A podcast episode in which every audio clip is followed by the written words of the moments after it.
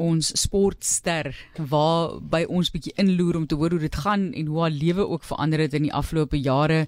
Die borsslag spesialis Tatjana Skoenmaker wat by ons aansluit. En ek moet weer vra oor die van Tatjana Skoenmaker. Hoe is die korrekte uitspraak uitspraak? Want dit was ook nog 'n groot ding gewees tydens die Olimpiese spele nê Hallo, baie dankie dat ek hier kan wees. En nee, ek sê jy het actually baie goed gesê, maar ek moet sê ek het dit al op baie snaakse maniere al gehoor. So dit is nogal vir my altyd interessant as ek deelneem dat daar so so verskil soveel verskillende maniere is van hoe mense dit sê maar nee jy het dit reg gekry. Fantasties. Borsslag spesialis, ons gaan bietjie gesels daaroor en natuurlik oor die verskeie titels en rekords wat jy al gebreek het oor die jare en hoe jy vir ons natuurlik by die Olimpiese spele so trots gemaak het met daai goud, twee medaljes. Maar kom ons gesels gou oor hoekom borsslag want jy weet mense dink aan die vier maniere van swem as ek dit net maar so kan stel en almal jy kry mense wat goed is met almal van hulle op 'n manier en ek weet jy doen hulle ook, maar hoekom het jy besluit op om borslag spesifiek te kies? ek moet sê dit is actually nogal snaaks. Ehm um, mense wat obviously nou swem sal weet borslag kies jy ongelukkig. En um, dit is 'n baie tegniese um strook en ja, ek dink jy het either die tegniek of jy het nie die tegniek nie. So jy is either reg of is goed. So, nee, borslag het definitief my gekies ek moet sê dalk ehm um, ons sport of so ek swem gekies het of my ouers gesê swem is 'n sport wat ek nou gaan deelneem aan. Dit was ek actually nogal goed in fly en ek het sin na die 25 fly gewen of ietsie. Maar vir nou kan ek nie eens fly swem nie. ja, maar dit is moeilik. Ja, nee, dit is moeilik.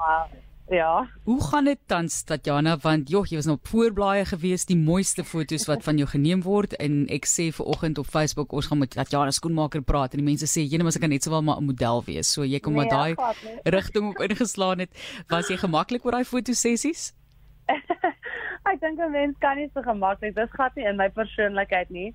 Ek het obviously, ek dink as jy dit aantrek en dit is baie anders as wat jy gewoond is, so jy dink, "O, gaan net die foto's lyk," like, maar dit het regtig mooi uitgekom en ja, ek dink die mense wat dit doen, weet obviously wat hulle doen. So dit was maar net daai vertrou dat dit dit sal goed gaan. Maar nee, ek dink hulle het altyd gesê jou lewe verander na die Olympics. Um en ek het altyd vir hulle gesê, "Ag nee, dit is nie so nie," maar dit is regtig so en dis maar net vir my die grootste ding daar uit is die ondersteuning van die Suid-Afrikaners. Um ja, dit is net so amazing om te dink dat jy terugkom en almal groet jou op die straat en um ja, sê net vir baie geluk en ek het altyd gedink soos niemand gaan eers my herken nie want natuurlik is Commonwealth Games ook baie groot en world champs en ek het al um die afgelope jare daar ook redelik um goed gedoen, maar niemand het ooit enigiets vir die Olympics het regtig net soos iets in ons ingebring en net daai ekstra hoop gegee en ek dink ja, dis vir my so lekker om die strate te loop en mense te sê well done en sulke goed. Um so nee, dis baie special. Tatjana is uh, natuurlik ure en ure se oefen in die bad waarby jou gesin ook betrokke was die ondersteuning. Jy telke male al daarna verwys. Wêreldrekordhouer Afrika rekords wat pryk agter jou naam. Hoe belangrik was jou familie se deelname uh, en hulle ondersteuningsstelsel vir jou in jou ontwikkeling en in jou uh, oefensessies? Ja ek dink daai vraag is nie hoeveel nie. Ek dink hulle is alles. Um hulle het alles wat hulle gedoen het het bygedra na my sukses. En dit is nie net my familie nie dis die spanmaats wat ek het my afrigter die uh, mense waarmee ek werk. Dis massages and recovery en sielkundiges. Um dis almal hulle is die rede vir my sukses. Hulle het nie eers 'n bietjie gecontribute nie maar alles al gecontribute. So nee ek dink dit is definitief baie belangrik om sulke goeie support system te hê agter 'n mens um nie net van uh, dit goed gaan nie, maar ook vir daai mense om daar te wees vir wanneer dit sleg gaan en wanneer dit nou nie so great gaan nie om nog steeds daar te wees vir jou is ja, dit beteken alles. Dat Jana neem gefors deur die die geleentheid by die Olimpiese spele jou aanloop tot die aantree en dan tydens uh, die kompetisie toe jy geswem het en dan die emosie daarna. Dis amper verskillende fasette want jou konsentrasie eh, was nie die emosie aan die einde nie. Dit is mos 'n dit is deur deur prosesse waar jy moet gaan. Vertel vir ons daai daai dag hoe jy gevoel het en uh, hoe jy jouself ingestel het sielkundig. Ja, ek moet sê dink die lekker ding was was so ons het nog nooit ons het nie agtergekom ons is by die Olympics nie. Jy sien so jy's op die span. Jy's daar, jy sien al hierdie Tokyo 2020, maar dit voel amper of hulle is besig om dit te adverteer, maar dis nou nie waar jy is nie. Um so dit was wel klaar baie crazy om net daar so te wees en ek dink net om daai half te te besef wel okay jy is hier by die Olympics maar ek was dankbaar dat dit nooit ingeskop nie want ek moet sê ek was baie na die bou na my reis toe was ek baie rustig en kalm en ek het rare gevoel dat dit was die so die Here wat by ons was wat ons al die meisies baie kalm gehou het so ek dink dit was 'n goeie ding dat 'n mens nie op sulke groot level van performance dalk 'n bietjie uitgreek want jy's nou van die beste in die wêreld, jy die wêreldrekordhouers in jou reis. Um so ja, ek dink daai was daarom uh, die maklikste deel. Ek dink as die dag wat jy daar aankom, nou begin jy obviously analyse hoe hoe jy voel, is jy hoe se tye, so doen jy ekstra strokes en dit is baie tegnies. So dit gaan oor stroke counts en um hoe jy stroke counts match met jou tye. So ja, ek dink toe daai oggend, um, toe ek geswem en ek onthou ons was besig met um, 50 wat ons vat vir tye. En ek het die eerste een gedoen en ek het net vir Rakker gesê ek reg. Ek is reg vir die reis. Ehm um, ek kon nie myself beter voorberei het nie. So ek dink ek was meer opgewonde om net my beste te gee en net te weet soos ek voel darm goed. Soos ek is obviously moeg van 'n vol dae se reising gewees. Ehm um, maar net om my ja, die Olympics te eindig met 'n goeie reis en net uit te kan klim om te weet ek het my beste gegee was al wat ek daarvoor gesoek het. So natuurlik toe my gesig sien toe ek gewen het. Dit was glad nie wat ek verwag het nie. So veral nie die wêreldrekord nie. So dit was regtig net die cherry op die koek, maar om eerlik te wees, as ek daar uitgeloop het met die reis, ehm um, of ek nou wêreldrekord of nie en ek het net geweet um ek het my beste gegee en niemand kan meer verwag nie so ek baie so ek dink ek sal dieselfde groot so smal gehad. Ja ek moet sê as jy 'n wêreldrekord slaan dan dan het jy jou beste gegee. Daar is geen twyfel daaroor het jy jou het jy jou mededingers geanaliseer voor die tyd het jy geweet jy het 'n realistiese kans vir die goue?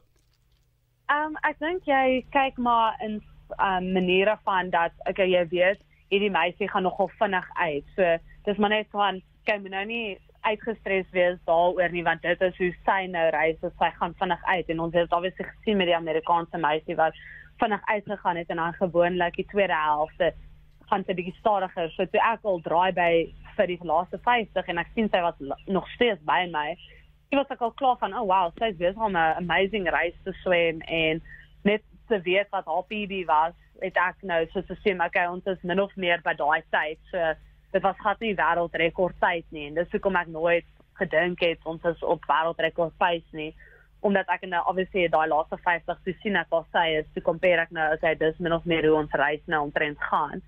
Um so uh, ja, dit was glad nie verwag. Ek het dit glad nie verwag nie. Obviously is ek eerste in ek het was eerste gerank in die reis in.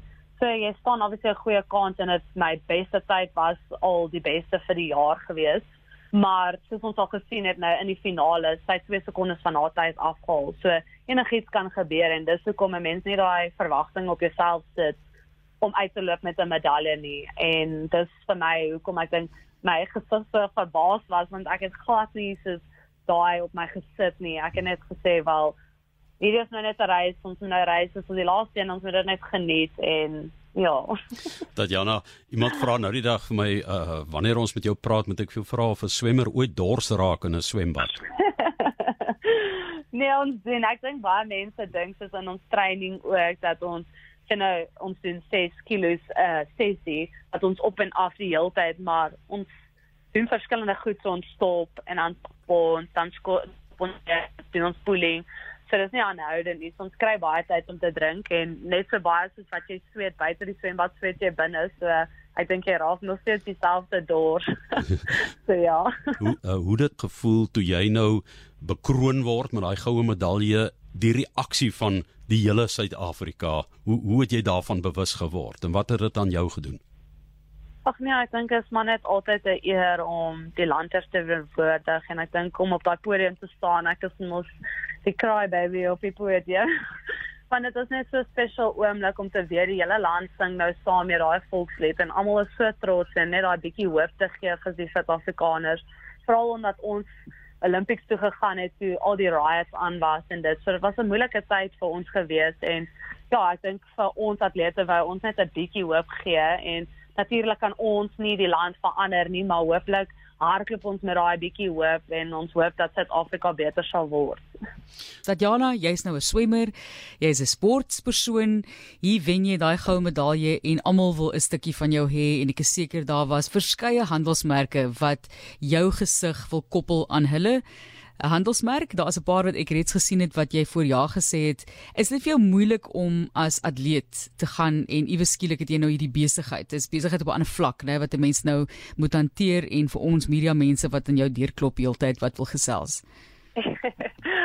uh, natuurlik is dit altyd lekker om te gesels. Um ek dink dit is maar net ja, partykeer nogal moeilik want jy net moet jy 'n uh, karier ba balanseer van swem nie en jy moet nog steeds by training uitkom ek dink na Olympics dit verander nie, dit word nou meer en dis die ding, ons moet nou 'n stappie hoër vat, die training word meer intens en ek dink dit dit raak maar net baie keer bietjie moeilik obviously want daar's ander ver, wat ander verantwoordelikhede wat verwag word van sulke goedjies en ja, baie keer meng dit bietjie in met swem, so daar's baie kere waar ek so sleg voel en ek moet so baie nee sê en ek sal so graag daar wil wees, maar ek dink dit is maar die challenge is net om te weet dat ek moet nou weet so dit kan nie net een keer ek kan nie net een keer Olimpies toe gaan en so doen en dan die volgende kompetisie is ek nie eens 'n goeie deelnemer nie. So ek dink dit is maar die moeilike ding maar ja ek dink dit bou my karakter so ver en dit challenge my in ander maniere wat ek dalk nie ge um gedink het ek sal myself wil challenge nie, maar dit is goed want dit dit beteken ek groei ook so. En as mens nou byvoorbeeld ook dink, jy weet dit, dit gaan oor om fiks te bly sekerlik, maar iewers moet jou jou kop moet daar wees en die oomblik wanneer jy later aan jy het 'n stigting byvoorbeeld wat jy bietjie vir ons meer kan van vertel en jy het nou besigheid ook op die brein, dan iewers skielik dan dink ek myself jy wanneer jy swem en jy konsentreer dan is dit moeilik om jouself seker net op een plek te hou met konsentrasie affekteer dit jou enigsins? Ag ek dink dit is maar net deur jare leer jy dat dit jou nie met plan nie. Ek dink dit is obviously nou meer challenging want daar's meer goed wat jy um meer nou face en daar's obviously baie meer dinge op my bord op die oomblik. Maar ja, ek dink deur alles wat ek al was, het ek al geleer hoe om dit te hanteer. Partykeer raak dit nog steeds 'n bietjie baie, maar ja, ek dink die oomblik my ek sou nie sê my karier is nog jare van so 10 jaar nog nie. Um, ek is al baie ouer. So ek is al gelukkig meeste aan die einde van my loopbaan, maar nog steeds kan van die begin.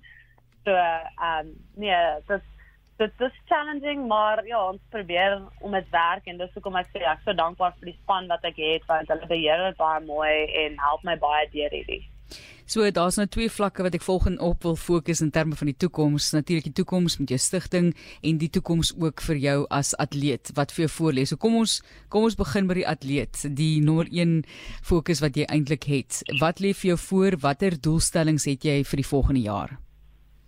Ehm um, so ja, vir hierdie jaar is nogal 'n besige jaar. Ehm um, daar was maar dinge gewees met die World Champs wat ons het hierdie jaar soos dit nou gekanselleer of postpone en nou sy weer aan vir die jaar se so, ons moet nog besluit of dit nou vir ons gaan werk in ons rotine, maar ja, dit sal dan obviously 'n baie groot kompetisie wees, maar andersins het ons Commonwealth Games wat obviously baie groot is vir Suid-Afrika en ja, so obviously ons land se naam hoog hou. So ehm um, ja, daar is weer kompetisies en dan dis maar meestal aan die van die middel van die jaar en aan die einde en dan is daar ander soos World Champs en ander internasionale kompetisies aan die einde van die jaar. So maar gewoonlik gebruik, gebruik ons hierdie begin van die jaar om nou net te prepare en te oefen vir alles wat kom vir die ander helfte van die jaar.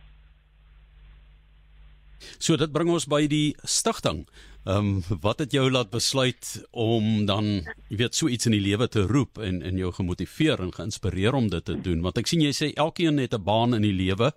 Uh, dis soos 'n swemmer wat aantree en jy het keuses. Ja, presies en Ja, ek dink dit was net altyd so 'n groot droom geweest en ag ek was so dankbaar vir die geld wat um gekom het van die crowdfunding is net daai droom kon vinniger realiseer en ek dink ons was so opgewonde om met net te begin die stigting en het dit begin maar nou moet ons obviously 'n 'n stapie terugvat om te dink wat wil ons hier uitkry? Want dit is obviously die vraag. So vir my die droom om daar uit te kry en dit is obviously nog wel op ons werk en kyk hoe dit kan realiseer is maar net ek dink een was dit om die die minder bevoorregtes aan um, bloot te stel aan swem eerstens as 'n sport om te kyk of hulle die sport ook liefhet want dit is nie 'n sport wat soos baie bekend is in aan die townships nie. So dit's on nice is om te kyk of hulle ook daarvan swem hou maar ook die basiese skills te gee om te kan swem en met al die verdrinkings wat plaasvind ook en sal dit nice is om vir van daai kinders daai basiese skill te gee en dan weer aan die ander spektrum is dit die sin van ons federasie het nie baie geld om vir ons toere en goed te betaal nie. So jy word geskies vir die World Champs span, maar dan moet jy tussen 50 000 rand betaal om te gaan. En dit was nou wat gebeur het in Desember, um 5 maande na Olympics, was ek gekies vir 'n span, maar jy moet nog steeds 50 000 rand betaal om te gaan. En partykeer maak jy daai span en jy's al so suksesvolle swemmer dat jy actually die span maak maar jy moet jou droom stop van finansiëel kan jy dit nie doen nie. So vir my wil ek dan obviously die foundation gebruik om daai atlete te sponsor sodat hulle kan aanhou met hulle droom omdat hulle al klaar op daai vlak is en dit dit stop hulle om net daai ekstra stapie te vat en dan hooplik volgende Olimpiese te kan gaan. Nou wil ons natuurlik weet Hoe skakel jy af van al hierdie makro kwessies in jou lewe waar ons nou gesels het? Wat vang jy aan om net bietjie jou liggaam en jou siel te rus? ja, ons het obviously van Saterdag na oggend aan sessie tot Sondag um, af, ons het 'n dag en 'n half te rus. So daai dag en 'n half ek dink probeer is soveel tyd om vriende en familie en net ja, regtig te rus. Nie baie so goedjies te doen nie. Um obviously jy wil ook van jou bene af bly want jy moet nou regmaak vir die week daarna. Maar ja, vir my is dit net lekker eet, lekker geselskap. Um, ja, dis ek maar 'n bietjie afswitch. Ja, nou wonder ek wat jy praat van lekker eet. Wat eet jy? Want jy is so mooi, maar natuurlik omdat jy ook so fiks het, maar ek fiks is, maar ek voel dis so half deel van die gene daarso. nee, nee, dit is definitief ag ek baie dankbaar obviously met die swem met al die ure wat ons insit voel ek ag ek kan maar enigiets eet wat ek wil. So ek eet anyway enigiets wat ek wil deur die week. Ek weet obviously wat is 'n gesonde balans um meal en dit sal ek eet maar ek is glad nie bang vir cheat nie.